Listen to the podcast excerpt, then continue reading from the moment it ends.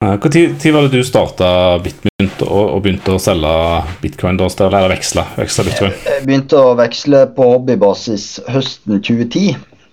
Mm. Så det er en stund siden. Da var bitcoin veldig billig. Og jeg, eh, jeg, har jo kunder som kjøpte på den tida, som selger nå. Og ja, de uh, har greit med penger. Ja, de har gjort det greit. Ja, Så mens jeg blir, blir kasta ut av banker, så er det noen kunder som sitter med private banking og eh, ja. Ja, sant. Står med kursiv. Jesus. Mm. Jeg tenker sånn, Én ting er jo å ha, ha vett, holdt jeg på å si, til å ikke selge de første bitcoinene fra 2010 når, når de går litt opp i verdi. Men ja. det andre ting er jo å faktisk ta vare på de da. Og ja. ikke miste dem på en minnepenn eller en gammel datamaskin eller harddisk i ti år. Det i seg selv er jo en bragd. Ja. Jeg hadde jo, kjenner meg selv nok, så hadde jeg sikkert solgt mine første bitcoin umiddelbart når de traff 100 dollar på et eller annet tidspunkt. ikke sant? Og så sittet nå og halvgrått litt. Så det, det, er jo Det er en bragd. Det er imponerende. Mm. Eh, sikkert ikke bra for helsa. Sikkert ikke bra for hjerte- og blodpumpa i sånn lengden, men eh, ellers greit. Ja, I lengda går det bra, tror jeg, for at du lærer deg å leve med så svingningene. Og, og, det er klart, hvis du gikk inn med 300 kroner i sin tid, og det plutselig er verdt mange millioner, så er det sånn Ja, ja. Om det er verdt 10 millioner eller 5 millioner, det er liksom ikke så nøye. Nei, det er det som er greia. Ja, at du, Har du vært tidlig nok ute, så sitter du så godt i det uansett. Ja. At, uh, men jeg syns jo synd på de som gikk inn uh, Ja, ikke synd nå, da, men sånn som så de Når det Den forrige toppen på knapt 20 000 dollar, var det vel, i 17? Ja. Sånn. Når du liksom blir tatt av hypen og hiver deg på der, og så raser det av gårde ja, nedover, det gjør, det gjør litt vondt. Ja. Men uh, hvis de bare har holdt gjennom den dalen, så sitter de godt i det igjen nå, da. Ja. Så, så, men det, dette gjelder jo alt. Valuta, aksjer, eiendom. Ting svinger. Ja, nei, jeg har ganske mange kunder som kjøpte i uh, eh, 2017.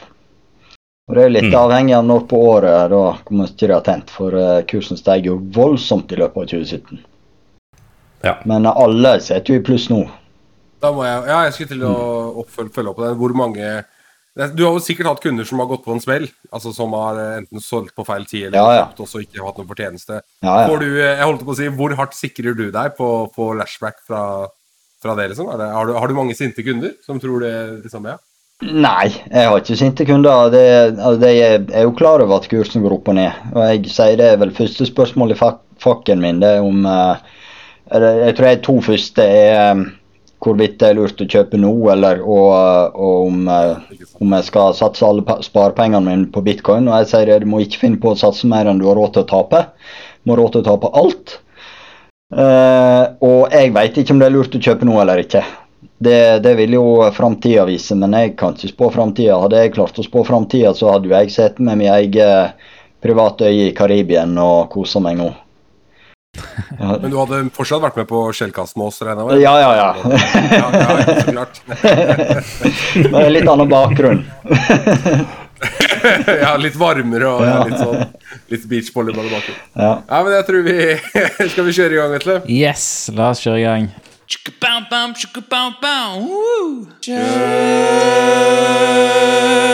Shellcast.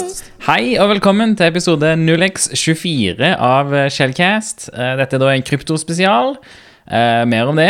Uh, jeg heter Vetle. Jeg jobber som pentester. Du finner meg på Twitter som at bordplate. Ja, mitt navn er Øystein. Jeg jobber med Cyber Threat Intelligence, eller cybertrusseletterretning, på, i privat sektor. Og du finner meg på Twitter uh, at 0xtomg. Hei, jeg heter Melvin. Jeg jobber da som penetrasjonstester, og du finner meg på Twitter under handlet Flangvik. Hei, jeg heter Stulle. Jeg eh, jobber med uh, bitcoin-veksling. Veksling mellom bitcoin og norske kroner, og uh, du finner ikke meg på Twitter. Yes, så dette er noe i eh, kryptospesial av, eh, av Shellcast. I dag skal vi snakke litt om, eh, om cryptocurrencies. Vi snakka litt om det i forrige episode, der vi begynte å ta opp mer det, det, større da rundt ransomware og, og, krypto, og lurte på om vi ville snakke noe mer om det. Så, så, dette Nå har vi med oss noen saker vi har, som vi skal diskutere, og, og vi har med oss gjest Sturle Sunde som eh, driver bitmynt.no. Eh, og Kanskje du eh, forteller litt mer om, om deg, Sturle, og, og bitmynt, og, og, og hvordan du starter med krypto. da. Hva er din filosofi da rundt, rundt krypto currencies, gjerne? Um, ja, jeg begynte Jeg oppdaga bitcoin høsten 2010. Før det så jobba jeg Jeg først jobba mange år med Unix-drift på Universitetet i Oslo. Og så jobba jeg bare Jeg ville ut av Oslo, så jeg flytta til Florø og begynte med drift av skolen etter der. Og så oppdaga jeg bitcoin høsten 2010 og så at det her det var jo veldig interessant. For at det var jo en form for penger som lar seg flytte helt uavhengig av banker og når som helst. Altså, egentlig helt uavhengig av noen tredjepart.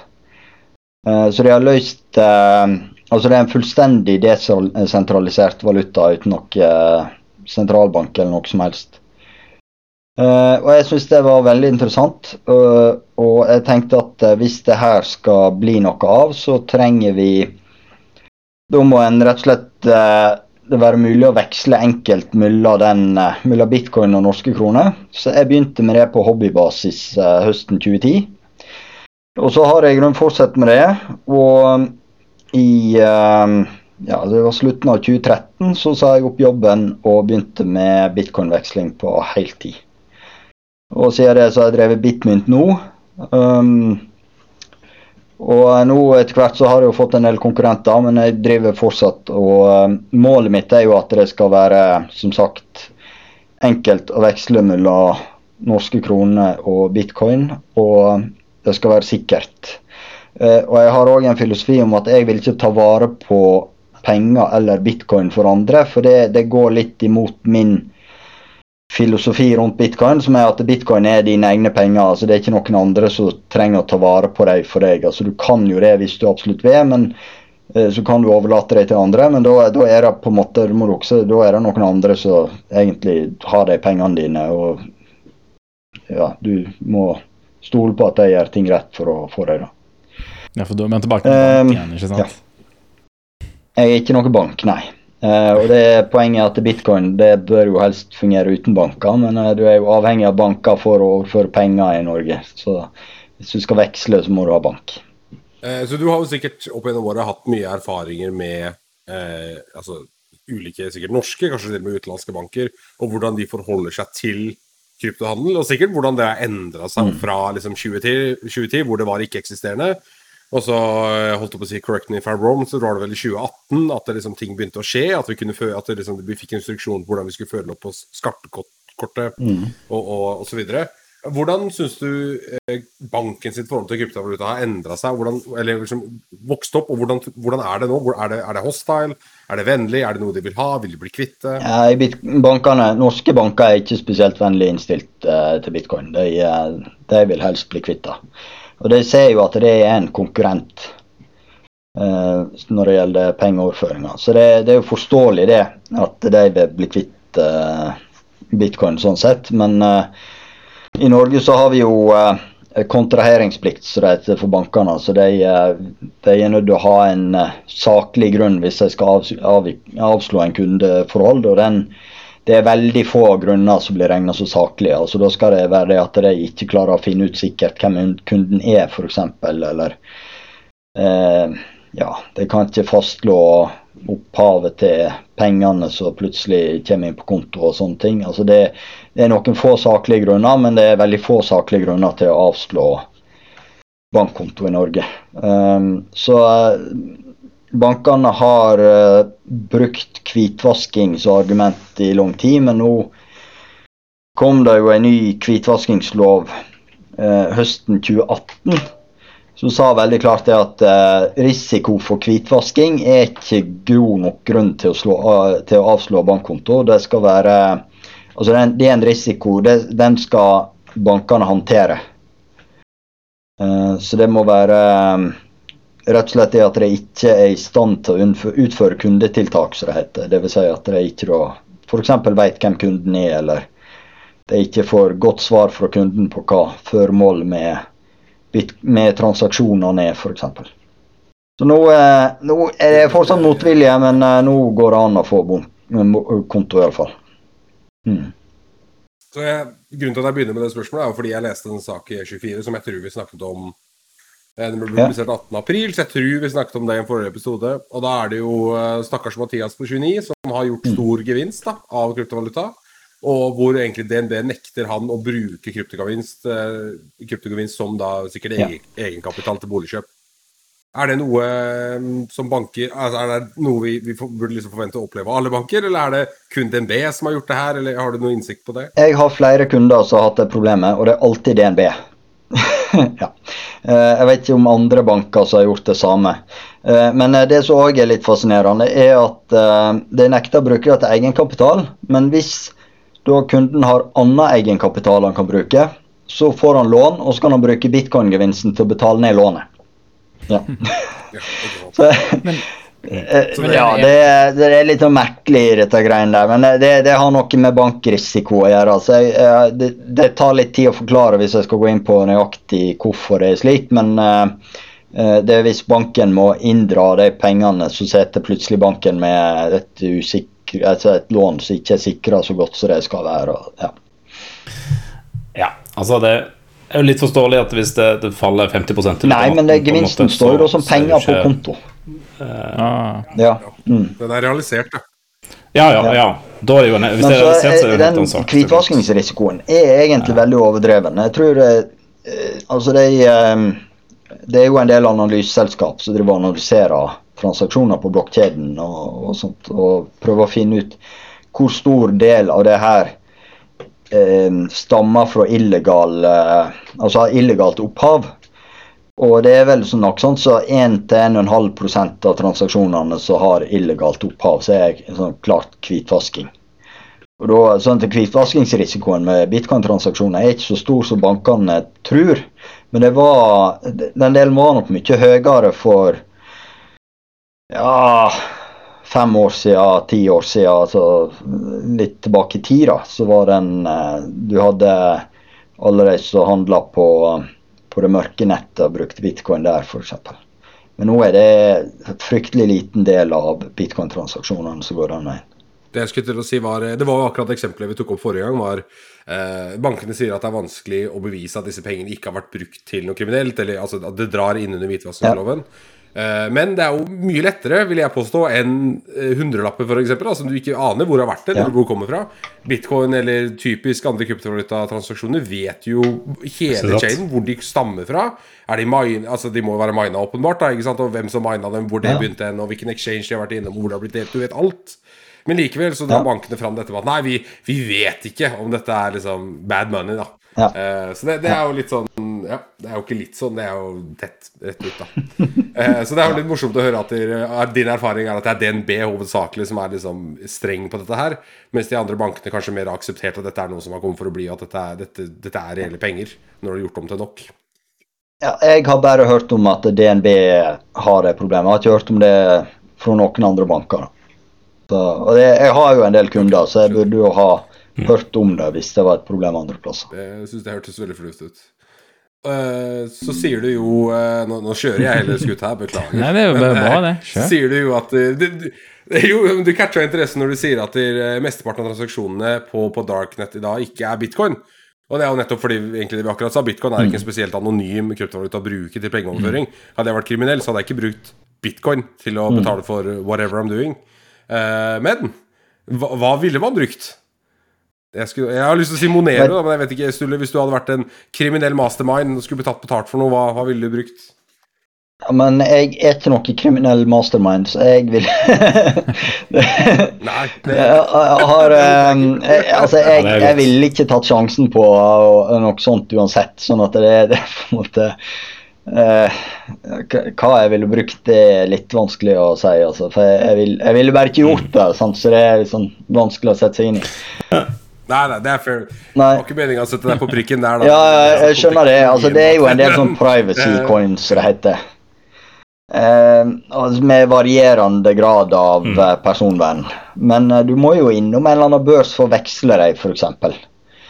Så på en eller annen måte så Altså, no, noen veit um, Hvis noen hadde fått uh, Jeg tror det var um, var det en Lørenskog-sak jeg krevde løspenger i Monero. Jeg tror jeg krevde noe sånn som halvparten av all Monero i verden i verdi. Og, og, hvis noen hadde veksla noen sånne beløp, så da ville jo den børsen uh, så de prøvde å veksle det på, ha oppdaga at det her er et eller annet. Så, ja. ja. Det er jo et likviditetsproblem med en gang, og, og, prisen hadde jo gått til himmels hvis du skulle kjøpt det på Du, du måtte jo gå på flere børser for, for å samle det inn, og, og det hadde jo bare Det måtte du helt klart ha gjort. Så jeg, jeg tror de hadde Jeg tror nok det hadde vært spora opp uansett. altså. Ja, for det, det går på egentlig at du ikke kan, nødvendigvis kan spore transaksjonene, men at det, akkurat nå påvirker det som du sier, likviditeten. Da, ja. Men pengene må ut et sted hvis man skal bruke disse pengene. Det fins jo sikkert andre måter, ja. da, om det er gift cards eller kjøpeting eller visakort som aksepterer krypto eller whatever. De må Typisk må de ut realisert en eller annen verdi, f.eks. nok. Og da vil jo da ja. alle exchanges forplikta, sånn som jeg forstår det nå, til å gjøre ID-verifisering før de får lov til å exchange det til noe som helst som du kan bruke. Ja, stemmer det. Litt oppfølgende spørsmål der. Er det, er det, fokuserer du på ene og alene på bitcoin, eller er det mye å, å, liksom, å lære deg om andre mynter? Er det, er det noen prosjekter du syns er spennende, som du følger med på? Jeg har egentlig ikke tid og kapasitet til å fokusere på noe annet enn mm. Eh, bitcoin. Så jeg holder meg til bitcoin. Jeg er litt eh, oppdatert her og der, men det, det er stort sett bare bitcoin.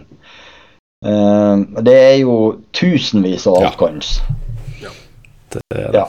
Uh, uh, jeg har sett litt på noen, men eh, det er litt Det er litt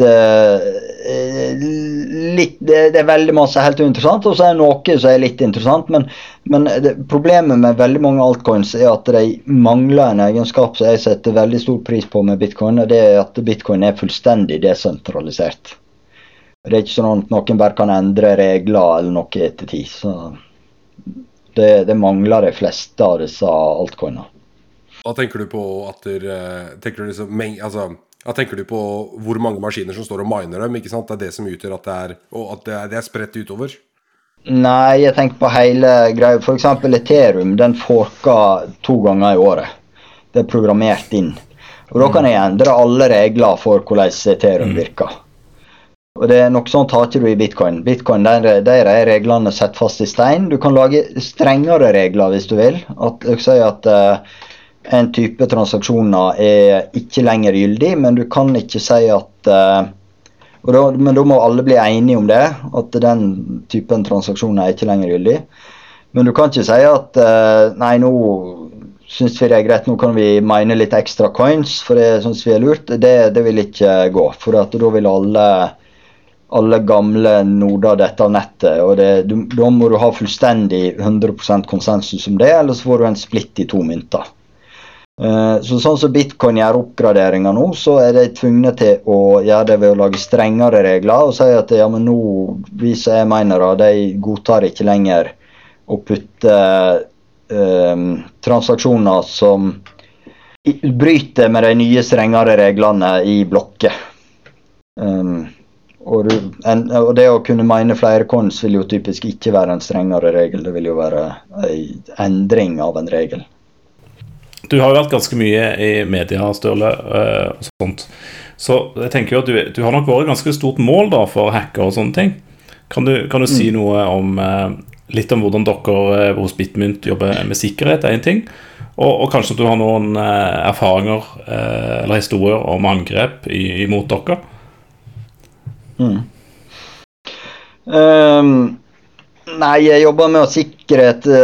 Uh, det er litt sånn security by obscurity, og så er det litt jeg ikke vil snakke om. Ja, Hvordan jeg sikrer lommeboka mi og, og, sånne ting. Det har jeg ikke lyst til å si så mye om.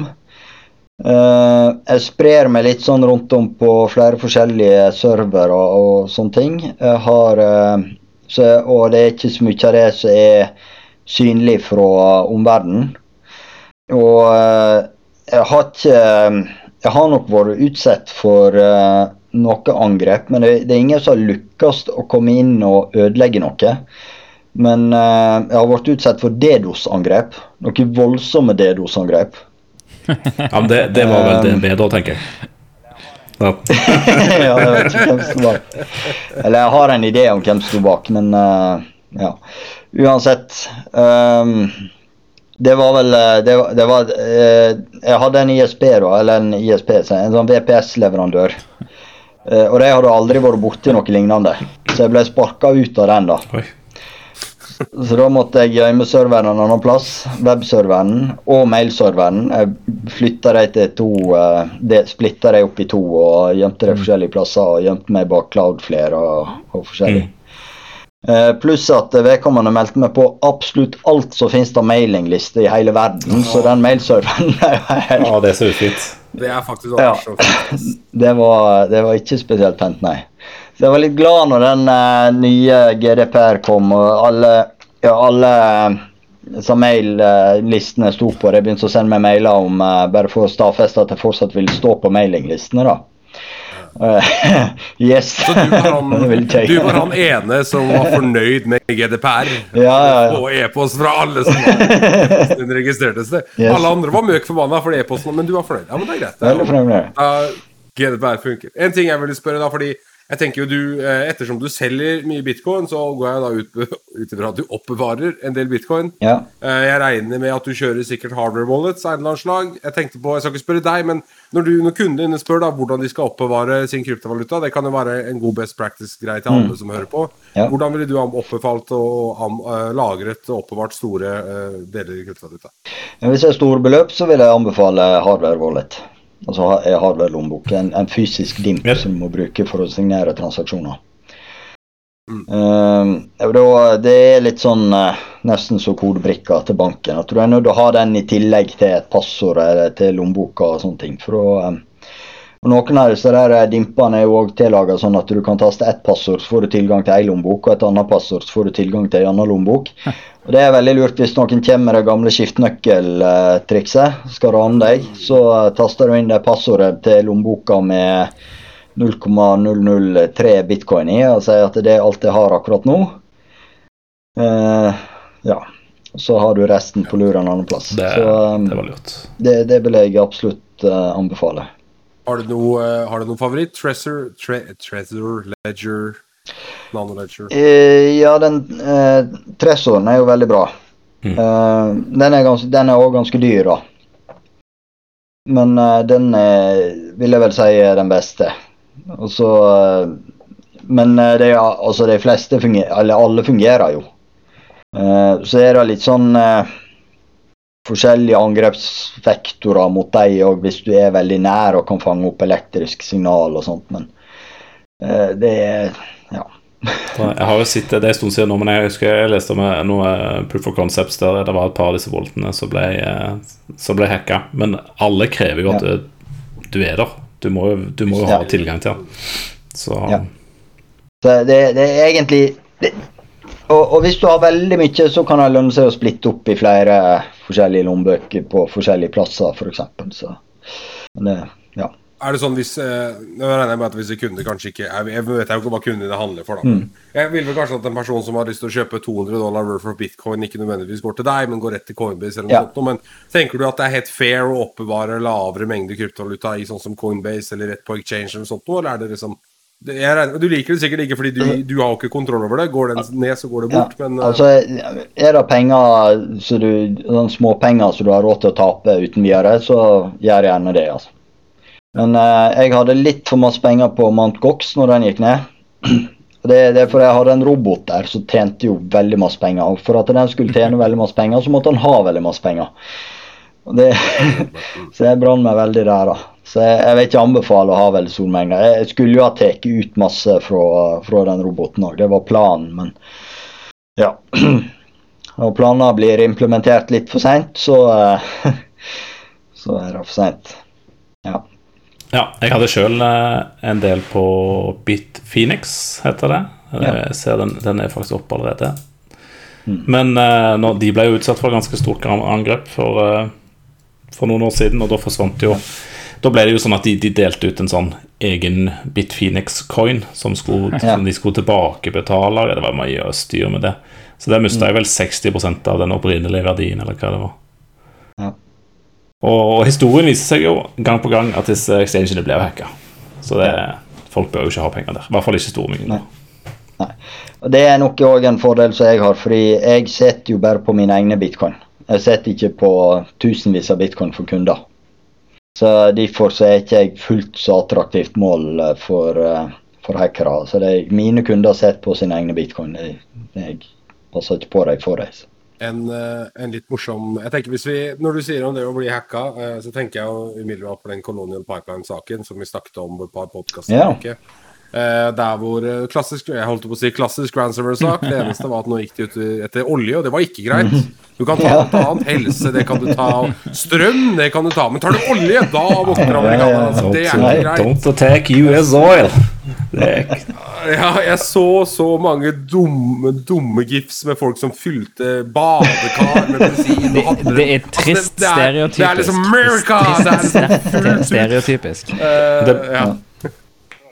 Det, beste, det beste ja. Det beste var jo de som fulgte bensin i plastposer. Bensinen spiser jo plastposene, så det virker jo meg. Ja. Det, er mye bra. Uh, jeg tar det opp fordi Uh, i, I siste har jeg, sett på, har jeg sett flere personer som ikke er så, kanskje ikke så dypt inne i verken krypto eller tech, som sier liksom at ah, FBI hacka uh, Jeg husker ikke om det var bitcoin spesifikt. Mm. Jeg tror det var bitcoin spesifikt, var det ikke det de krevde? Ja, det krevde. ja stemmer. Det var, det var, bitcoin jeg krevde. Mm. Så der uh, ja. ja. altså Department of Justice har jo, har jo sisa 2,3 mm. millioner dollar verdt av bitcoin ja. fra den Colonial Pipeline-hacken, som mm. viser seg å være den eh, nøyaktig 85% av det de betalte. Så det er jo eh, en, uh, en affiliate av, av Darkside. Ja. Så det er masse spekulasjoner da hvordan de har fått til dette her. da Mm. Uh, og der mange mener at de har hacka bitcoin. Det går jo så klart ikke. Nei, det, det, tror ikke jeg. Ja. Nei. Nei. Um, det, eh, skal jeg går vel teknisk sett an hvis du ja. tar over mer enn så og så mange av minerne? Ikke sant? Skal jeg være han som nei, sier det nå? Nei, det, hvis, hvis uh, transaksjonen er på blokkjeden, så må du jo gå tilbake igjen og redigere altså, og gjøre om blokkjeden fra det tidspunktet transaksjonen ble utført. Og da trenger du veldig mye mer enn 50% når det er ja, du, hvis du, vel, du kan jo fake, fake da, en endring Altså um, så, uh, At noen sender de pengene til deg, da. Kan du ikke det? For så vidt.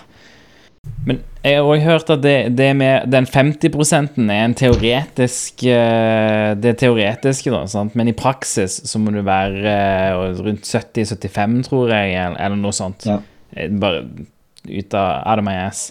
Ja, altså hvis du skal Det kommer an på hvor langt du bak du skal gå og redigere, da. Du må jo ha de, den kapasiteten i ganske lang tid for å klare å ja, gå flere dager tilbake. Det, det er helt fullstendig urealistisk. Så det, det kan de ikke ha gjort. Eh, og det vil jo en ha merka òg. Altså det ville, det ville alle ha sett, alle på nettet. For da ville du fått en svær sånn reorganisering av blokkjeden. Så. Nei, jeg har absolutt ikke gjort det her. Jeg bare tenkte jeg skulle skyte at jeg hørte eller Ja, jeg har hørt veldig mange rare teorier om uh, hvordan de har fått det til, men jeg, jeg tipper det at de har fått tak i enten uh, en server de har hatt de bitcoiner på, eller at uh, det kan òg være at uh, disse der, den affiliaten har klart å bruke ei lommebok på en, en, så, en sånn custodial lommebok, som det heter. Uh, det vil si at det egentlig det er noen andre enn de sjøl som sitter på de private nøklene. Altså mm. omtrent som uh, om det er en børs. At det er noen andre som sitter på de private nøklene. Og da vil jo altså det vil jo følge bitcoiner hele veien og se hvor de dukker opp. Og, og, det vil jo vi som, som, handler med bitcoin, er jo, eller de som driver sånne lommebøker, er jo òg forplikta til å følge med på transaksjonene. Og hvis jeg ser at det dukker opp midler som har et kriminelt opphav, så er de pålagt å sperre de midlene. Så det kan være nokså enkelt. At de rett og slett har gjort en tabbe. Men uh, Det er jo flere teorier. Jeg, vet ikke, jeg, jeg, tror det er ganske sikkert at FBI og andre har klart å eh, knekke Tor versjon 2-protokollen. Og jeg vet at en del av den kommunikasjonen der har gått via Tor. For det har jo tatt masse servere, altså det har jo tatt masse Tor-servere som har stått rundt omkring. Så at de har klart å, At de klarer å spore Tor versjon 2-trafikk til en spesifikk server, det tror jeg. Da tror jeg vel også at dere, jeg minst fra en talk en stykke tilbake, at hvis du eier Eh, det må vel da bli både entry-exit-noden i Tor, så kan du spore det, for du kan relay ja. det basert på tid. Uh, og det har jeg også hørt rapporter om at både altså, eh, diverse agencies eier ganske mye mm, av ja. Tor-nettverket nå. Og at det er en sjanse for at de kan både ja. være entry-exit-node. Så at de kan ha klart å spore opp hvor de bitcoinene har havna uh, Eller at de har klart å få kontroll på servere med den bitcoin på, på, med sånne metoder, er òg en teori. Um, men akkurat hvordan det er jo ikke, det har jo ikke publisert akkurat hvordan jeg har gjort det. Så det kan godt hende at de har, jeg har lyst til å holde det på de korta en, en stund til. Kan det hende at de har funnet disse her og bare Nei, de er vel kanskje i Russland, er det ikke det man teorerer om? At dette er russiske? Ja, iallfall Darkside er russiske, men den affiliaten vet vi jo ikke. Nei, man, man, man, ser jo nå med den uh, Nå skal ikke vi snakke om den appen, i hvert fall denne uken. Den Anom-appen. Men du, man ser jo ja. at uh, eh, FBI, FBI kan, eh, kan, holde kortene tett på brystet, mot brystet eh, ganske lenge òg. I hvert fall tre, tre år. ja, ja, ja. ja, Litt av en operasjon. Så med tanke på Tor-nettverket og, og, at de har stor kontroll, det kan jeg tro at de har, og at de, at de ikke snakker noe høyt om.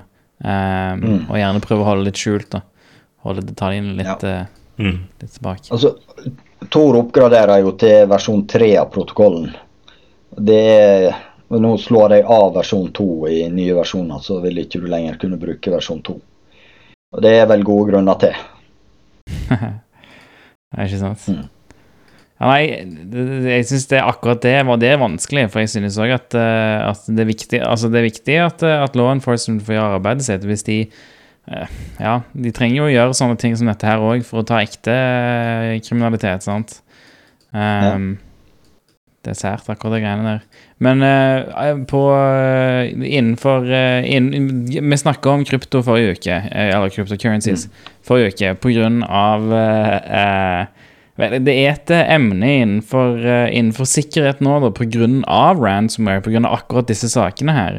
Mm. Og, og jeg, jeg, ser at det er mange som, som mener at man burde ulovliggjøre cryptocurrencies som helhet. Som, og jeg, jeg, nå, jeg er ikke særlig positiv til cryptocurrencies i utgangspunktet, i den formen de er i dag. Uh, så uh, men, men, jeg synes òg det, det, er en dårlig grunn til å ulovliggjøre cryptocurrencies, da. Men, uh, mm. men hva slags argumenter har du, da, til, til, til at det jeg regner med at du står for ikke ulovliggjøre det. Så hva er dine mhm. argumenter da for, uh, for, at, uh, for, at, selv med kriminaliteten så, mm.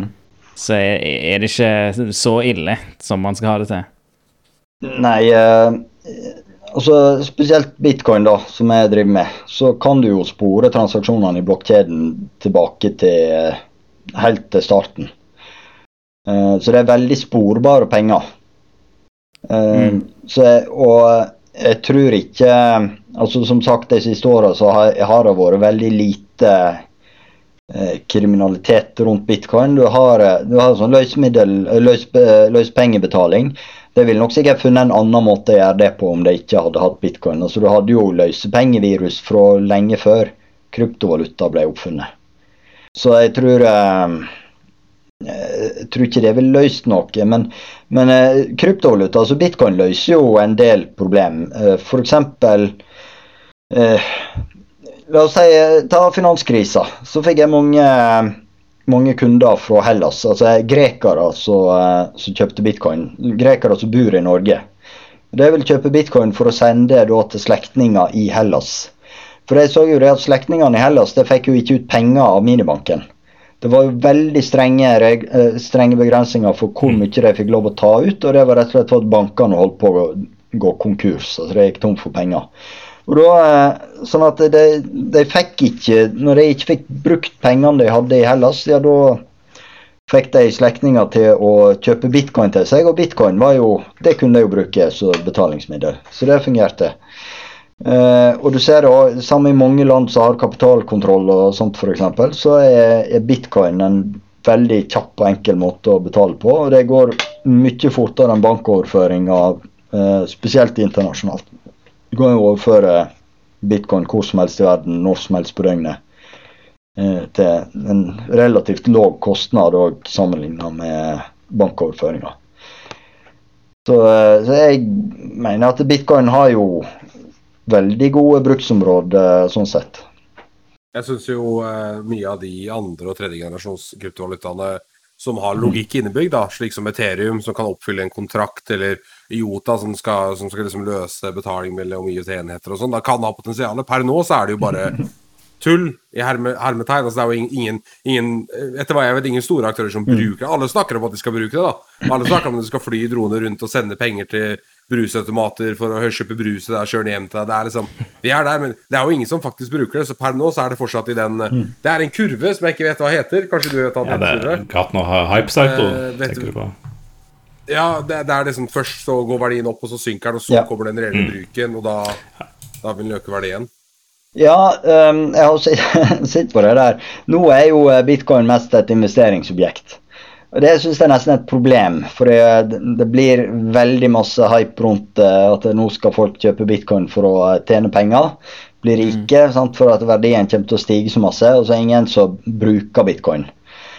Um, det, ja, det er iallfall relativt få som bruker bitcoin. Men jeg ser jo at det myller de hype-syklusene så er det stadig flere som begynner å bruke bitcoin og ta det i bruk. og eh, altså Da, da får jeg helt andre typer kunder eh, enn de som skal investere. Så det, det, der er litt interessant.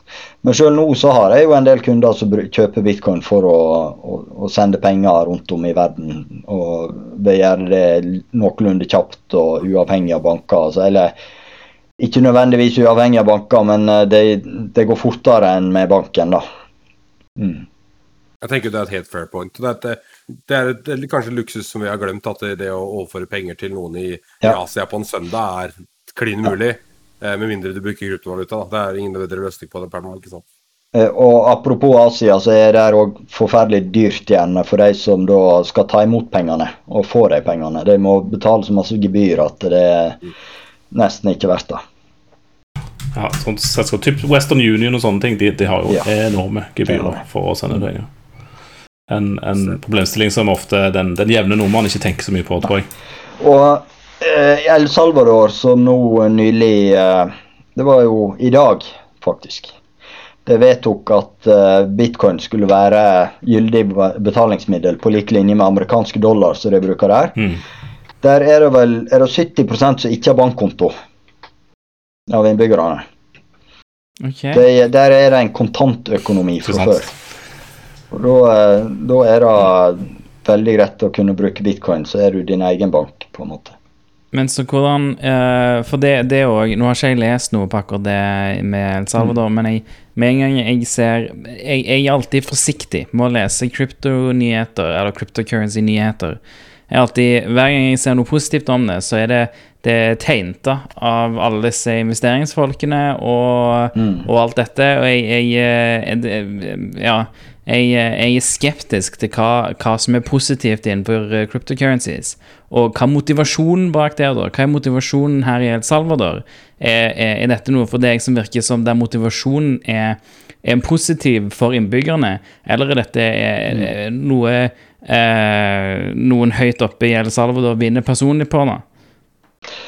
Eh, ja, Det er jo et veldig godt spørsmål, men uh, jeg, altså, som sagt, når du, innbyggerne ikke har bankkonto, så gjør det jo pengeflyten lettere hvis uh, du kan bruke bitcoin når du faktisk har et praktisk betalingsmiddel som du kan bruke uten å møte vedkommende fysisk med kontanter mm. i hånda. Mm. Uh, og men en ting med El Salvador er at de bruker amerikanske dollar, og det er litt Det har jo et litt uh, sånn uh, elsk-hat-forhold til det. Altså, de har prøvd seg med sin egen lokale valuta noen ganger, og det har gått skikkelig dårlig. okay. uh, den har ikke de klart å styre. Uh, og det er jo et bitte lite land, så det er jo, ikke, det er jo mindre enn Belgia og det er ganske relativt fattig. Mm. Men uh, uh, Så nå er de helt avhengig av amerikanske dollar. Og spørsmålet er skal de være helt avhengig av amerikanske dollar, eller vil de ha flere bein å stå på? Og hvis de skal ha flere bein å stå på, skal de begynne med euro i tillegg, eller hva skal de gjøre? Ja, så fant jeg ut at eh, ja, hvorfor ikke bitcoin? Og det, for bitcoin, det Ja. Mm. Det er jo bedre det enn å altså, det, Du vil heller være avhengig av en, en global valuta enn en, en, annen nasjons valuta, der an, en annen nasjon kan styre reglene for valutaen. Og jeg, for min egen del så er jo den største grunnen til at jeg eh, bruker bitcoin nå, ikke at jeg har noen gedigne mengder med bitcoin, men det er jo typ inflasjonsbeskyttelse og, og sånne ting mm. Eh, mot eh, spesielt dollaren, som, som, de printer jo enorme mengder av for tida. Eh, mye pga. Eh, ja. pandemien og, og, det som skjer der. Ja, der, Hvis det ikke kommer inflasjon der, så vet jeg, altså, for det er voldsomt. ja, nei, det, det, er jo et stort spørsmål framover i tid, og det er jo mange som Eh, analytikere ja. som snakker om, om det problemet. Mm. Og ja, jeg kan ikke si annet enn at det er spennende å følge med på framtida, og at alle, alle bør ha en liten del bitcoin, tenker jeg. altså. Mm. Det, det, virker, det, virker, veldig Altså, i, i en sånn situasjon da, så virker det eh, Det virker mye mer naturlig da eh, å introdusere bitcoin eh, i, eh, i, et miljø som, eh, som allerede er, ikke har banker, da, sant? som allerede kun er, er, er fysisk valuta. Uh, men òg det, det, virker litt trist å introdusere det noe som er såpass uh, fluktuerende da, som bitcoin er. sant? Mm. For, uh, for, uansett hvor Teknologien er jo én ting, teknologien er kjempebra, uh, men en attributt som valuta er jo hvor fluktuerende den er. Mm. Så, så, så hvor, jeg, jeg, klarer ikke helt å se for meg hvordan man kan leve med å kjøpe dagligvarer på, med en valuta som fluktuerer så mye, da. Nei, jeg ser jo den. Um, men i, i, noen plasser så fluktuerer det så mye i den egne valutaen de har hatt. Altså, ja. Hyperinflasjonen i Venezuela er jo et kjempegodt eksempel. Der de må plutselig skal kjøpe et brød, så må du betale med en trillebår med kontanter. De veier heller pengene enn å telle dem, for det, det går raskere. Altså, det, det, dette er et reelt problem som de har hatt i Venezuela. Så det å, å begynne å, å, snakke om svingning av valutakurs i det, det området der, det er på en måte ja, Det er ikke det største problemet, tror jeg. Det finner jeg vel ut av. Eh, det jeg ville skyte inn, Vi snakker jo litt om hvordan eh, vi antar bitcoin er den internasjonale valuta. Eh, mm. Det drar oss litt inn i hele mining-spørsmålet. da Uh, jeg, jeg, har gjort mitt beste til å prøve å finne statistikk ja. på hvilket land som miner uh, bitcoin mest, basert da på Pols, da, ikke sant. Uh, og der er det vel, sånn som jeg forstår det, så er det Kina, mm. Kina som miner bitcoin med godt over 65 mm. basert på statistikk jeg har.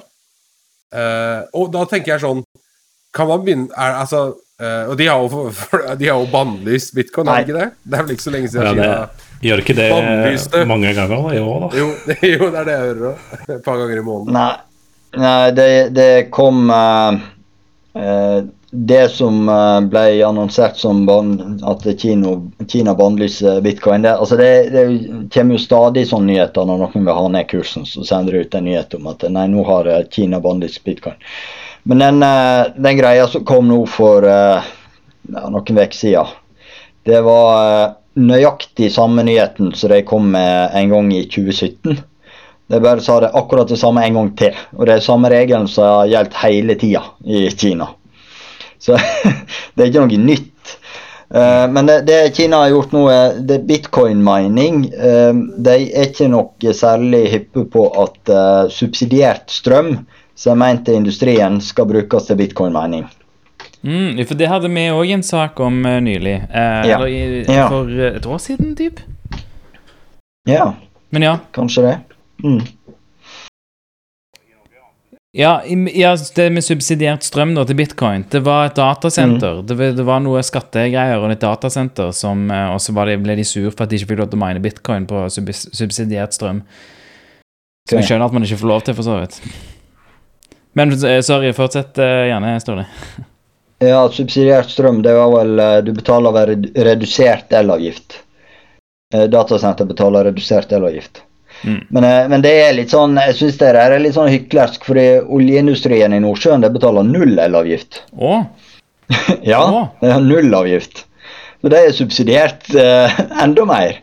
Og da er jo spørsmålet Ja. ja, ja det, det, er sant. Det, det, er flere nyanser her som ikke kommer fram. Mm. For det, det vil, vi har noen lytterspørsmål etterpå som, som, vi skal komme til straks, som tar opp mye av det her. Da. Men jeg tenker jeg vil ta det opp her med med dette med mining og miljø, som eh, i hvert fall når Kina er da den største mineren eh, Kina regner jeg med får strøm fra kull? Eh, Nei, det, det, det, varierer veldig. Altså. I Kina så er det eh, om eh, Altså, kineserne Hver vår og hver høst så ser du en sånn dipp i, eh, i mininga.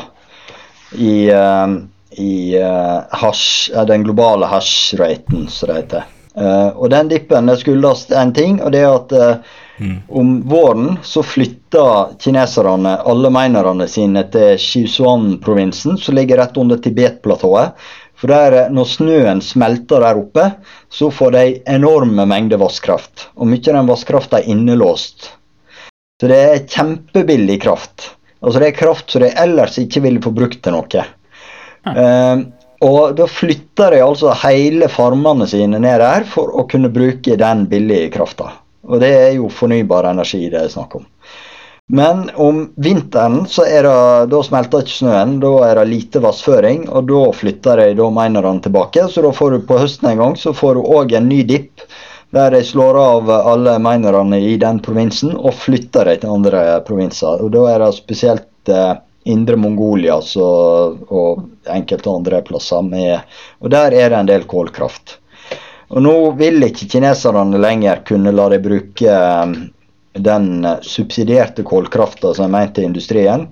Men uh, den vannkrafta i Shizon-provinsen den ser jeg gjennom fingrene med, for den, den, får de ikke brukt til industrien. Altså Du kan ikke bare åpne industrien, du kan ikke bare kjøre industrien halve året. Og den krafta er òg de, det, det, får ikke transport Altså, Kina er jo et gigantisk land.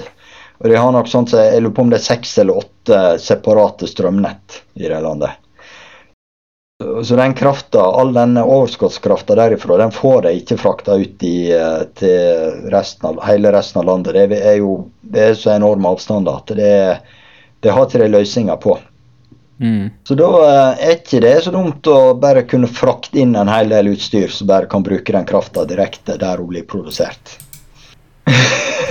ok, La meg, la meg fronte spørsmålet, siden jeg ble eid på det spørsmålet. La meg, la meg lage en ja. Eh, Hvis vi sier mining generelt da, mm. og miljø.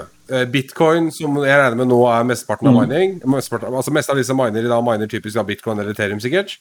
Tror, tror, er det, tror, du det er bærekraftig hvis bitcoin eller Ethereum skulle bli en valuta verden skulle bruke? Tror du det hadde vært bærekraftig å mine det på den måten vi gjør nå, eller måtte vi gått, gått over til proof of stake, eller, eller hva det heter? Altså, jeg vet ikke Hva er um, Altså, jeg, jeg, jeg, tror, altså, du vil jo ikke bruke mer ressurser til mining nødvendigvis, selv om flere tar det i bruk. Fordi uh, Uh, mining det er jo ikke sånn at altså Det er en typisk feil uh, ser altså en, Nesten en lakmustest på om folk har greie på hva de snakker om eller ikke. Det er hvorvidt de begynner å snakke om uh, hvor mange kilowattimer som blir brukt per transaksjon. Fordi det er ingen sammenheng mellom energibruk og tallet på transaksjoner. for nå ser jo det, det de har gjort, da har de tatt energibruken og delt på transaksjoner på blokkjeden, men veldig mange av transaksjonene skjer jo utenom blokkjeden. Eh, veldig mye skjer internt på børser, veldig mye skjer via Lightning-nettverket, og en god del skjer via sånn sidechains, det heter. Eh, der du har eh, flere parter som stoler på hverandre. Så hvis du overfører bitcoin fra en børs til en annen, f.eks., så går han ofte gjennom en sånn sidechain i stedet for.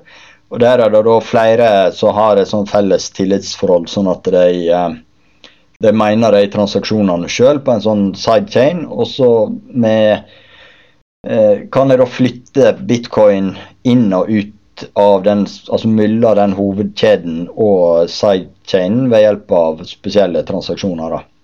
Altså den smarte, smarte kontrakter. Du har òg smarte kontrakter i bitcoin, det er ikke bare i Ethereum og alt sånt. Eh, og, og dermed så får du eh, Så er det veldig mange transaksjoner som du ikke ser på blokkjeden. Sånn at det, eh, det å, også, å si at eh, Altså, det er ingen som veit hvor mye altså, ja, Det blir meningsløst å snakke om hvor mye strøm som blir brukt eh, per transaksjon, for det er ingen som veit, men det som er, er poenget, er hvor mye som blir brukt per blokk. Og det ikke, trenger ikke være nødvendigvis mer, mer enn i dag, selv om uh, flere land tar i bruk bitcoin, da.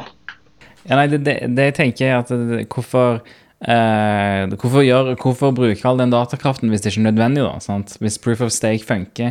Hvis, mm. hvis, det, hvis, det, er noe som fungerer, og som For det viktigste delen av det er jo den, uh, den uh, trust-delen. Hvis du kan ha trust mm. i en annen form, da, hvorfor ikke heller mm. gå for det?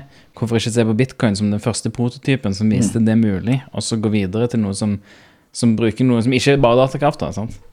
Ja, proof of stake er jo en Det er jo mulig, men proof of stake har sine problemer som er en utfordring i en fullstendig desentralisert valuta.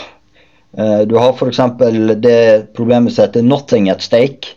Det er at Hvis du har staka ei blokk, og så er det noen andre som staker ei blokk samtidig, så har du to parallelle, to alternative blokker.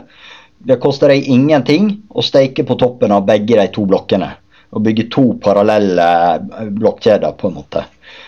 Uh, så da vil være i konflikt med hverandre. Uh, og det, er, det problemet er veldig, løs, veldig, vanskelig å løse uten å ha en sentral autoritet som bare bestemmer at det er den kjeden er gyldig, og ikke den. F.eks.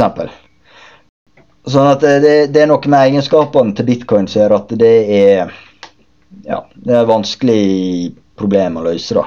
Men eh, når det gjelder det med energibruk og penger, så har jo energibruk alltid vært knytt til penger. Du har jo Åsmund Olavsson Vinje sa i sin tid at penger er storkna mannesvette. Og det er jo rett og slett Hvorfor svetter du? sant? Det du har brukt masse energi. Um, og du ser, hvis du ser på grafene over mm. globalt bruttonasjonalprodukt og globalt energiforbruk, det følger hverandre helt tett. Um, så penger har alltid vært knyttet til energiforbruk. Så det, det, er litt mer synlig for bitcoin enn for andre penger. Men uh, det, du kan uh, Skal du skal løsrive dem, så må du nesten si farvel til økonomisk vekst. Så etter min mening så er det, det er viktigere dette med å bruke fornybar energi til produksjon av bitcoin enn å, uh, å nødvendigvis løse det energiforbruket i seg sjøl. Fordi at uh, Ja, altså det, det, med energiforbruket kan faktisk være positivt. Hvis du ser på hvordan uh, Tyskland f.eks. har løst uh, Det var jo jeg tror jeg, For 10 år siden, 20 år siden så hadde de jeg tror det var 5% For 20 år siden jeg tror jeg var 5% av energiproduksjonen i Tyskland som var fra fornybar kilde. Og nå eh, i 2020 så var det over 50 Og Måten jeg har løst det på, er å auksjonere ut uh, uh, sol- og vindkraft til, med en sånn innmatingstariff, altså en, en, garantert minstepris. Du får en garantert minstepris for den krafta uansett. Um, og, og det må jo da kundene, altså strømkjøperne, betale for gjennom ei avgift. Men uh, bitcoin kan jo løse det akkurat det samme problemet ved at uh, du, kraftprodusentene får betalt den, det som uh, minerne går i null for, uansett. Og hvis strømmen blir dyrere enn det, ja, da slår minerne av uh, utstyret sitt. For at de er jo ikke interessert i å produsere med tap. Uh, så, og, og, dermed så vil produksjonen av bitcoin føre til utbygging av mer fornybar energi og gi en større reserve av fornybar energi, sånn at vi ikke trenger å bruke like mye fossil energi når det er vindstille og lite sol osv.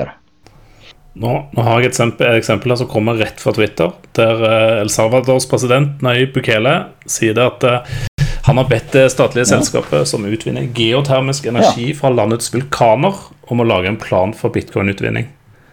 Så det er, det er ja. 100% ren fornybar energi, null utslipp. Ja.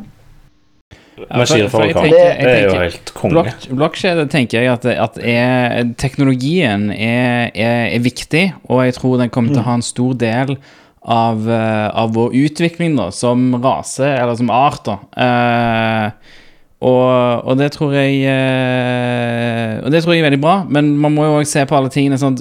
For eksempel da, uh, kraftbruk. sant? Strømbruk er, det er en av de tingene der jeg føler Uh, Og nå har vi sett liksom Ok, nå har vi sett hvordan det er i sin røffeste uh, form nå. Hvordan kan man fikse det? Hva kan du gjøre for å minimere da, den, den kraftbruken? Om det, er, mm. om det, er, om det må være hashing, og, og, og det bare, mm. og, og, vi finner ut etter utvikling og prøving at det er den beste måten, så gjør man det, da. Mm. Men da gjør du den som er mest energy effective hashing, da, sant, i så fall. Man må i hvert fall finne ut hva som er det beste. Og til nå så føler jeg at man sitter nå, uh, nå er det jo òg noe med, med, lagringsplass, og folk driver og kjøper ut uh, gamle harddisker, hører jeg, med masse lagringsplass på. Og det er òg mm. noe som funker. Og det virker som det nesten er verre, egentlig. For det, det bare skaper hardware uh, Enda mer hardware-mangel. ja, hva var det Det var han Bremme Cohen sin, det. Chiba eller noe sånt. Ja. ja. Shia, ja. Ok. Ja, ja. Shia. Proof, of time, proof ja, of time and space, var ikke det han hadde? Ja. Ja. mm. ja. Yes, yes, stemmer det. Time and space.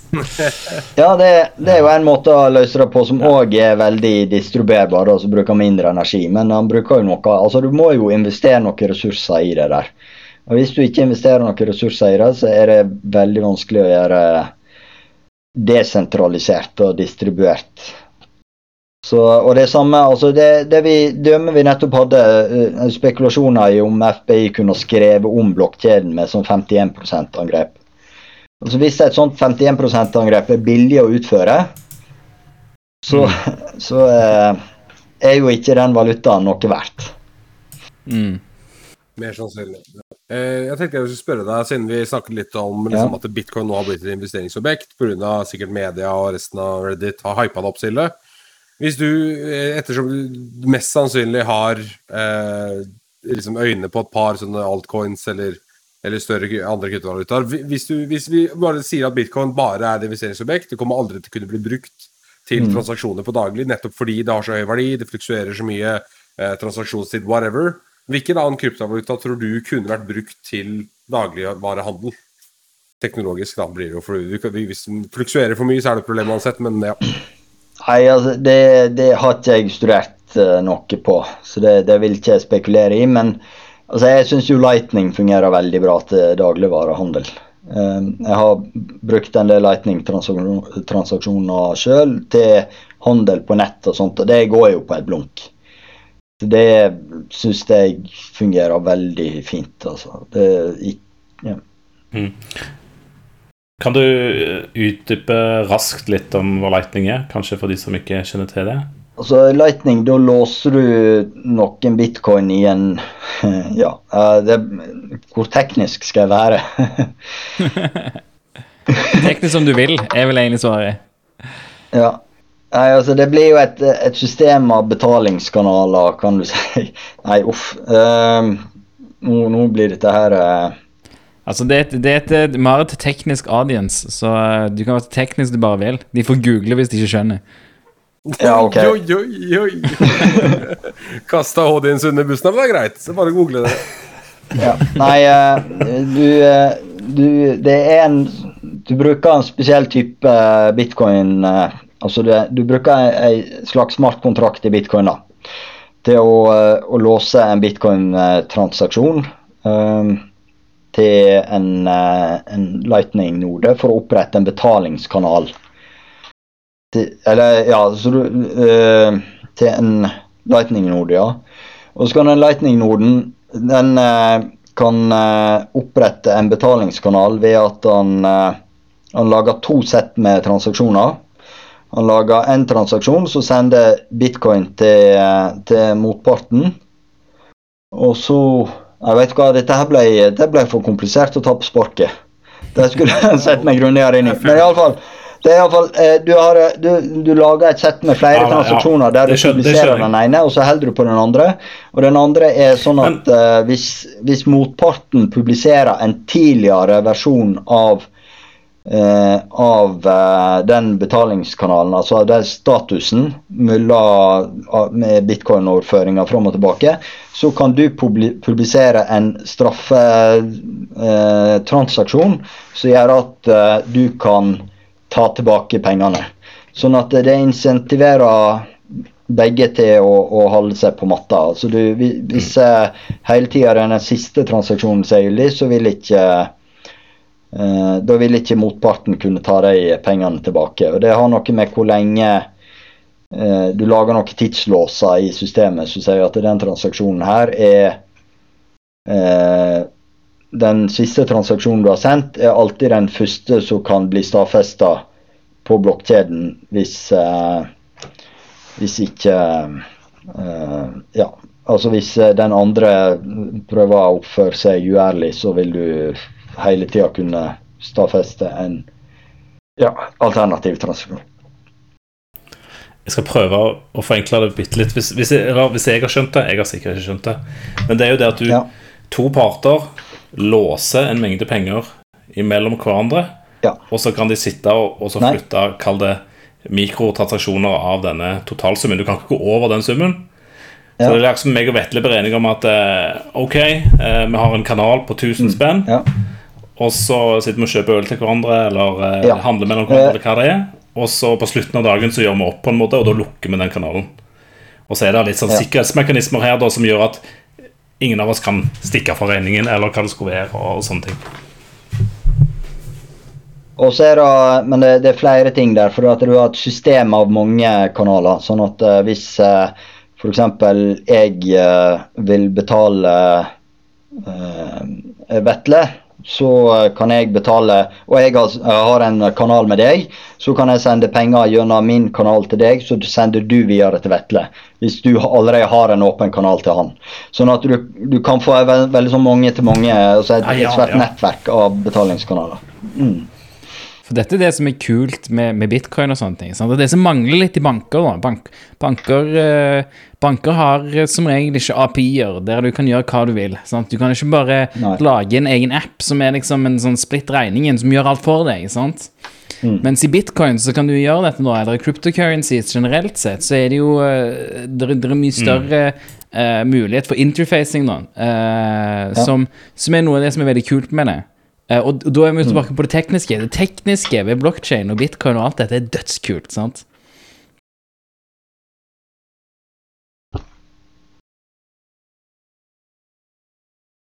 Da har vi egentlig kjørt igjennom uh, topicen og nyhetene vi hadde.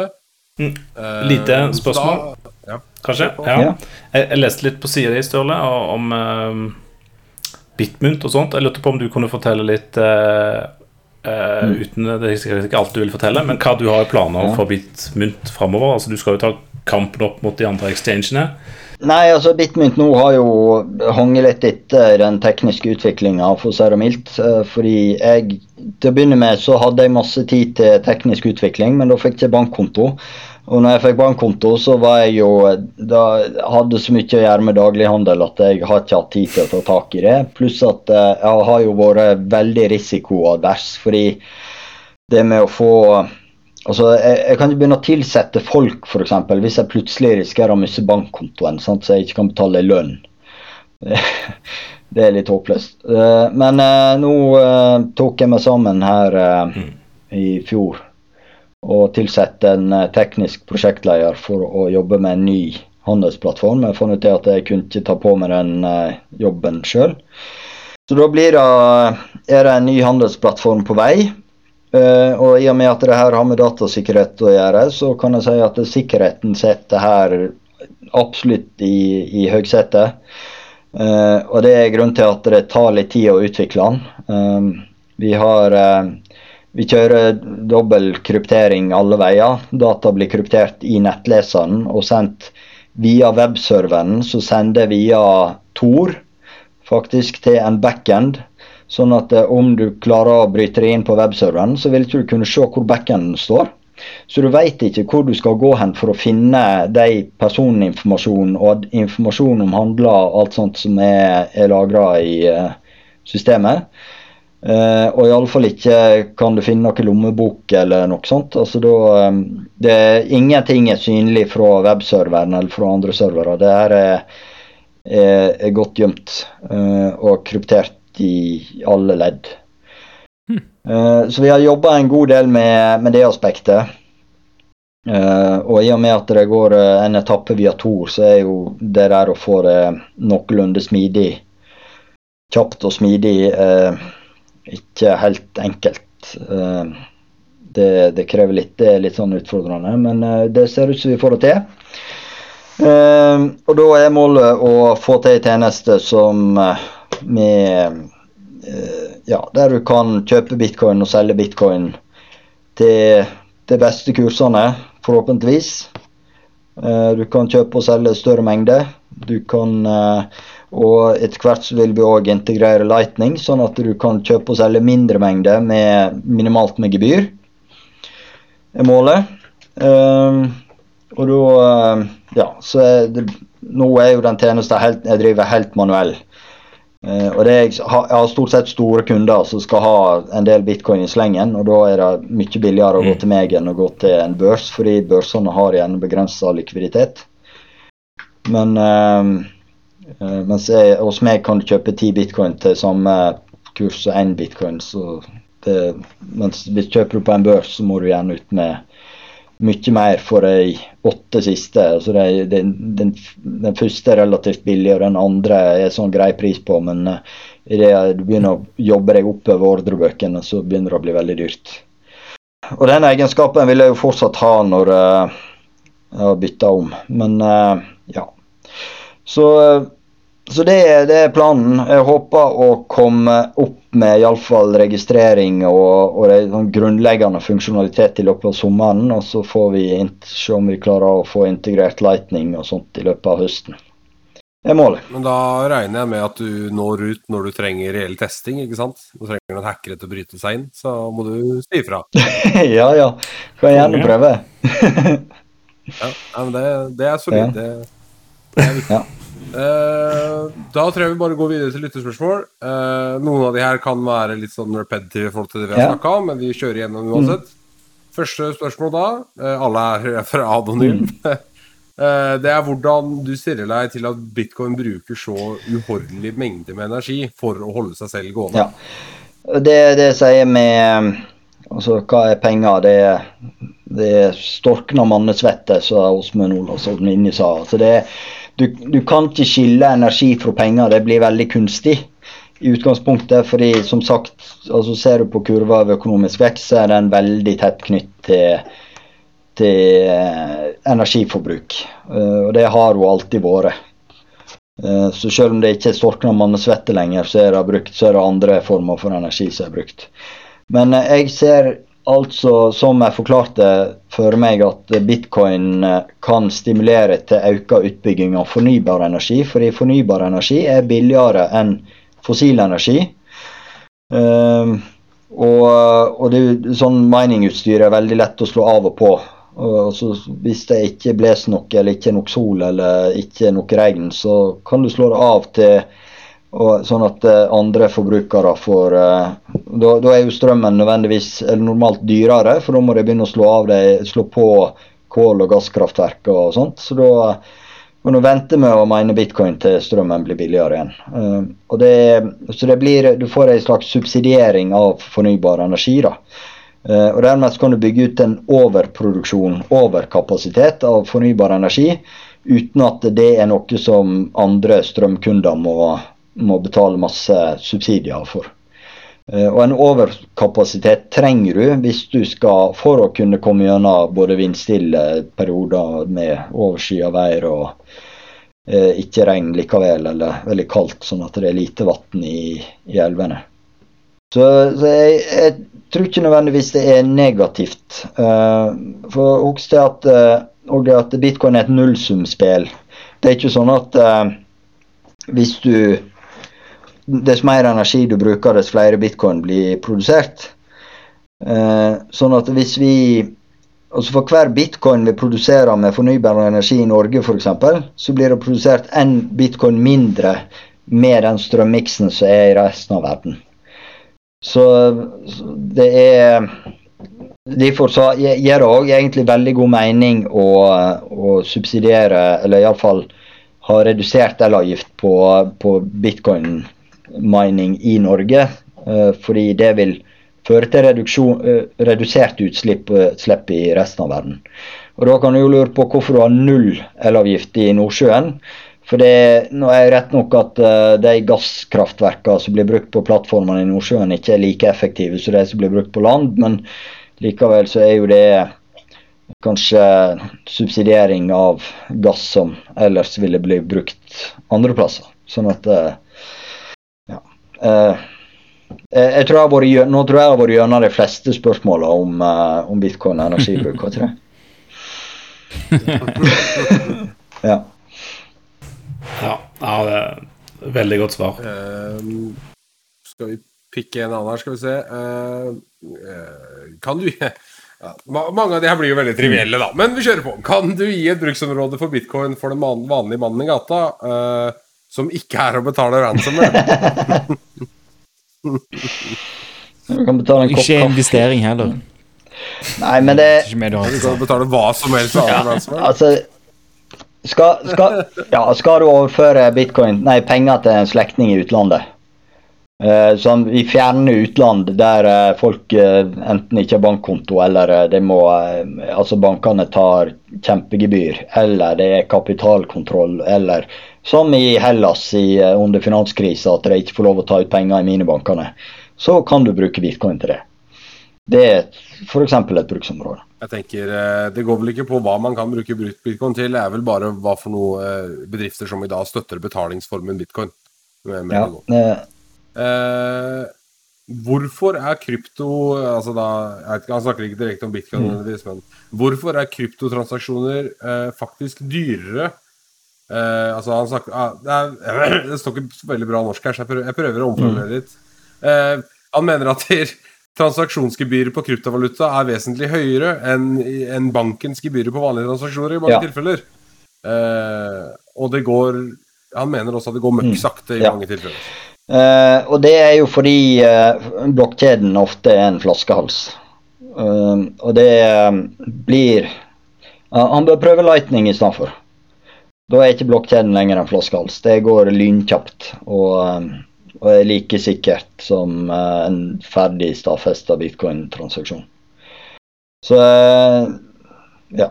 Det, det er grunnen. Men eh, det, treng, det, trenger ikke å være dyrere. Det, av og til så er det billigere òg, men det varierer veldig hvor, hvor stor kamp det er om plassen i blokkjeden. Uh, hypotetisk spørsmål. Hva skjer med bitcoin når det ikke er flere coins yeah. som miner? Altså det blir blocks, da. Flere blocks blir det jo. Eh, fordi det som skjer med bitcoin, og det som skjer gradvis med bitcoin, er at det blir stadig færre bitcoin. Altså hvert fjerde år så halverer du hvor mange bitcoin det er per blokk. Så nye bitcoin som blir produsert per blokk. Men um, det er en annen inntektskilde, og det er transaksjonsgebyr. fordi for å få en transaksjon med i ei blokk, så har du de gebyrene som da Eh, en tidligere eh, anonym spurte om eh, hvorfor det var høyere enn banken sine gebyr. Og de går fortsatt til minerne. Så det er fortsatt penger å tjene på å mine bitcoin. Men det som, du, det som kanskje skjer, er at hvis folk Eh, altså Når det er lite transaksjoner å mine, lite gebyr å putte inn i ei blokk, så kan det hende at flere minere slår av eh, minerne sine og venter til det blir mer, eh, mer penger å hente på å mine ei blokk. Mer gebyr å ta inn, og da får du Og så slår det på, da. Eh, sånn at du får kanskje mer stabile gebyrnivå. Eh, det, er det eneste jeg kan tenke meg at Altså det er det viktigste som skjer, tror jeg. Det er iallfall ikke noe problem med at det stanser opp. Uh, finnes det noen, i hvert fall teoretisk mulighet for å bruke kryptocrunching, altså han refererer sikkert til datakraften benyttet når man miner, mm. uh, til ja. uh, proteinfolding eller annet mer mer altså, meningsfullt enn å kun varme opp serverrommet og atmosfæren. Mm. Det er mye positivitet i spørsmålet her, altså. Alle begynner å lure på mye av dette er sarkasme som jeg ikke skulle tatt med, men vi prøver. Vi kjører på. ja, det har vært flere coins som gjør andre ting, da. Så er jo spørsmålet er jo hva, hva er nyttig her i verden. Um, en av de første som kom som gjorde noe alternativt, var Primecoin. Um, der du lette etter primtall. Og uh, fant du et primtall, et høyt primtall, veldig høyt primtall, vel å merke, som ikke er så triviell å finne, så kan du mene blokk. Men uh, det er jo uh, altså det, og Noen mener jo det er nyttig, andre mener jo det at det er like unyttig så, uh, det bitcoin gjør i dag. Så det er litt sånn varierende. Men uh, det har vel funnet ut det at det mest meningsfulle er å ha noe som ingen har økonomisk interesse av. Altså at det arbeidet i seg sjøl ikke har noe økonomisk interesse for noen. Eh, har vært et poeng da, for å stille alle likt til mening. Det er ikke sånn at eh, noen eh, stiller med en fordel fordi at de i tillegg har eh, interesse av det andre arbeidet, altså det nyttige arbeidet som blir gjort. Det var vel det som var tanken bak. Det går jo, altså det går jo på hva folk definerer som nyttig, da. Jeg husker jo at når korona kom, så ja. var det eh, altså, Jeg husker jo ikke ordet der, navnet. En eller annen lab som, som hadde et prøveprosjekt som kjørte for, for, å hjelpe oss finne en vaksinerøsning. Eh, der kunne, folk kunne laste mm. og så basically mine da, fram en vaksinerøsning ved å tilby datakraft til å mm. generere modeller som jeg ikke vet noe om. Så jeg, ikke, jeg stopper der, men det var mm. poenget, da. Eh, men da var det jo Folding at home. Ja, det, ja stemmer. Så da var det vel sikkert Da kan man mm. tenke seg at det var mange som egentlig drev med mining, som kanskje heller gjorde det, eller som delte det ut, da. Dedikerte noen GPU-er til det, eller ja. whatever. Uh, men ja, det kommer litt mm, an på hva man mener er eh, verdifullt å bruke tid og energi på. Uh, siste spørsmål. Det må jo være det mest positive spørsmålet i hele, hele lyttespørsmålspalta her. Dette sier jeg med sterk ironi. Uh, kan mm. deg, da, Sturle, med hånda på hjertet, påstå at bitcoin totalt sett har vært en positiv ting? I så fall, hvorfor? Oi, oi, oi. Ja, jeg mener at det er en positiv ting, for at han muliggjør uh, Altså, han, han, Altså, der kan jeg faktisk gå tilbake til 2010 igjen.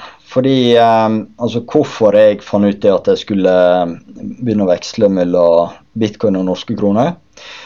Og det var, det var, samme høst så var jo ble Wikileaks plutselig fikk de sperra alt av uh, pengeoverføringsmuligheter fordi at de hadde, overført, eh, de hadde offentliggjort en video av uh, Det var amerikanske soldater som skjøt en uh, Reuters-journalist i Irak. Jeg vet ikke om dere husker den saka? Ja. Uh, og dermed så ble de blokkert av Mastercard og Visa og flere store banker. De nekta å uh, Plutselig sperra de alle overføringer til Wikileaks. Uh, og det var jo helt usaklig å, å gjøre. Fordi at det, det Wikileaks hadde gjort, var jo å publisere en video som var, hadde jo absolutt offentlighetens interesse. Og det var viktig å få en diskusjon om det.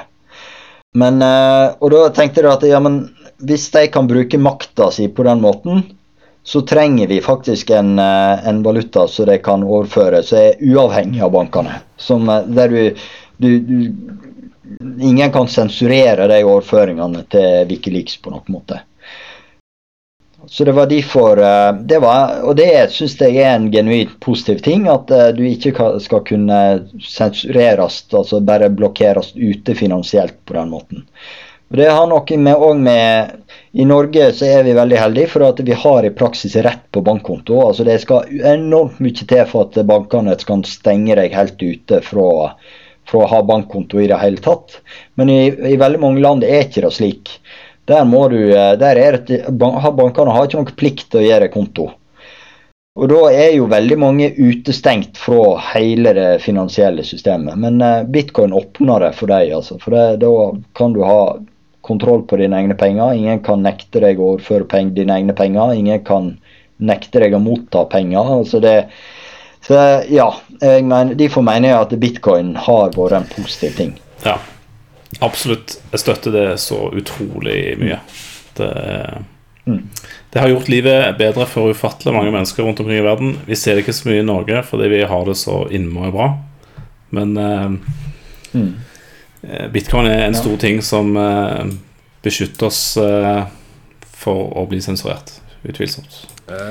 Jeg jeg tror at uh, Altså, jeg, jeg, tror at uh, hele vårt publikum uh, var supergira på bitcoin og blockchain som teknologi når det først kom. Jeg, jeg, tror det er flere nå som er skeptiske, men det, det er jo mye mer det, altså det geopolitiske rundt hele situasjonen om, om cryptocurrencies. Mm. Uh, og, og, jeg òg synes at det er noe av det verste med det, synes jeg er alle de som bare er investorer. De som, de som egentlig er aksjehandlere, men som, egen, men som, bruker bitcoin som aksjer i stedet for. Uh, som, altså, det, og det er jo en naturlig del av en valuta òg, egentlig. Uh, det er bare at jeg som er interessert i teknologien, ikke er interessert i at i at folk som uh, driver og bruker det som et pengespill for å tjene mer penger, ødelegger teknologien. Mm. For, og det er litt det jeg synes de gjør. Uh, ja. jeg, jeg, jeg, jeg, har veldig avsmak på cryptocurrencies uh, som mm. de eksisterer. Um, men, men, det er veldig det, Sånn som i El Salvador, da, så er jeg veldig interessert i å se om det, om det har en positiv påvirkning. jeg, gleder meg til å se om, om, om de gjør det lettere for, eh, for, de å bruke penger, om, om, det gir de en slags makt de ikke har hatt før. Eh, det har vært vanskeligere å sende penger før tydelig Altså hvis 70% ikke har banker, åpenbart er det vanskelig å sende penger til hverandre. Eh, så det er interessant. Og det er, er, mye sånne ting som er veldig interessant med det, og som, som gjør meg positiv for fremtiden uh, innenfor cryptocurrencies. Men det er lite positive nyheter jeg, eh, jeg får med, bortsett fra Crypto Bros. Uh, og de, det, de, de, er ikke så positivt, uh, egentlig. Jeg blir bare sur og frustrert når jeg leser det. ja. men det, det, med alle disse altcoiner og spekulasjonsboblene og alt sånt der, jeg kun, kan ikke være mer enig. altså. Det, det er fullstendig verdiløse mm. altcoins som får kjempehøy verdi fordi at det blir hypa opp. og er, Ja, ikke sant? Ja, ja, det, det, det, gjør meg bare frustrert. Og det er Noen tjener penger på det, andre kommer til å tape noe vanvittig når det der krasjer. Og det er jo flere som har krasja, og folk har tapt eh, enormt. Så ja. Uh, ja. Det, altså, men det er jo ren gambling, altså. De det kunne like godt spilt på hest eller et eller annet, men uh, ja. ja. det er sant, det. Ja, ja nei, jeg er helt enig. Ja. ja. Uh, så bra. Jeg ville bare nevne Da er vi egentlig ferdig med lyttespørsmål. Uh, så jeg tenkte jeg bare skulle nevne noen resources relatert til krypto. Jeg vil jo da dra fram kryptosekken.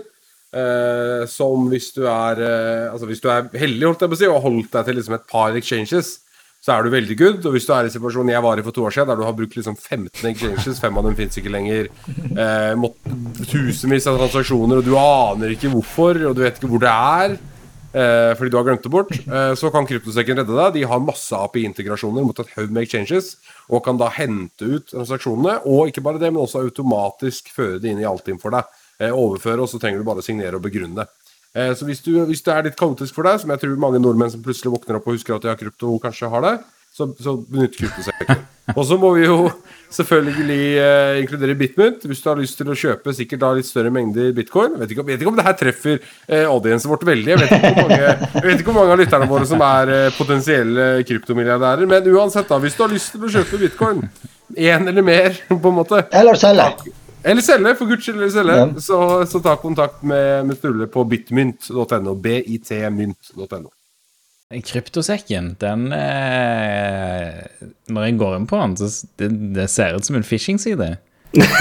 Den har uh, den, den, den, er har, Jeg skal ikke jeg åpna den, ja. og for, ja, jeg får opp en sånn one page, single page eh, med en sånn generisk logo med generisk font, med, med nyhetslogoer midt på forsiden.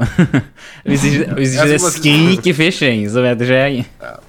Nei, det er, det er, ikke phishing. Det funker dritbra. Logg inn, skriv inn personnummeret ditt, husk å skanne inn. Nei, men helt oppriktig, det, det fungerer oppriktig bra. Det er, eh, de, de har eh, forhåpentligvis lagt mer tid på backend på front, enn frontend på, på kryptosekken her. Forhåpentligvis. Uh, så, ja. Forhåpentligvis. uh, ja. Ok. Skal du kjøre dette? Yes. Jeg kan, jeg kan kjøre outro, ja. Uh, yes, så som avslutning så vil jeg igjen minne på om at vi har en Discord-kanal på Norsex sin Discord. Så uh, lenke til det finner du i shownotes. Og når du har joina discorden, gå til information-kanalen, klikk på mikrofonikonet i rolleposten for å tildele deg rolle, sånn at du får tilgang til Shellcast-kanalene.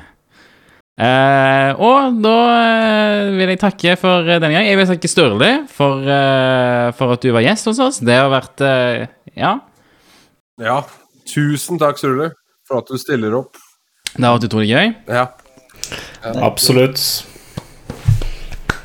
Stor applaus. veldig gøy å, å, få med din innsikt om bitcoin, og stor applaus ikke minst for det du har gjort for bitcoin og forhold til banker og sånne ting i Norge opp gjennom årene. Helt, helt kanon. Yes. Så, så, ja, hvis, det, hvis noen har noen eh, bidrag, noen spørsmål, noen kule war stories å fortelle, send oss en e-post på podcast.503.l.so, eller ett oss på eh, Shellcast på Twitter. Takk for at du hørte Skravle. Vi lyttes igjen neste uke.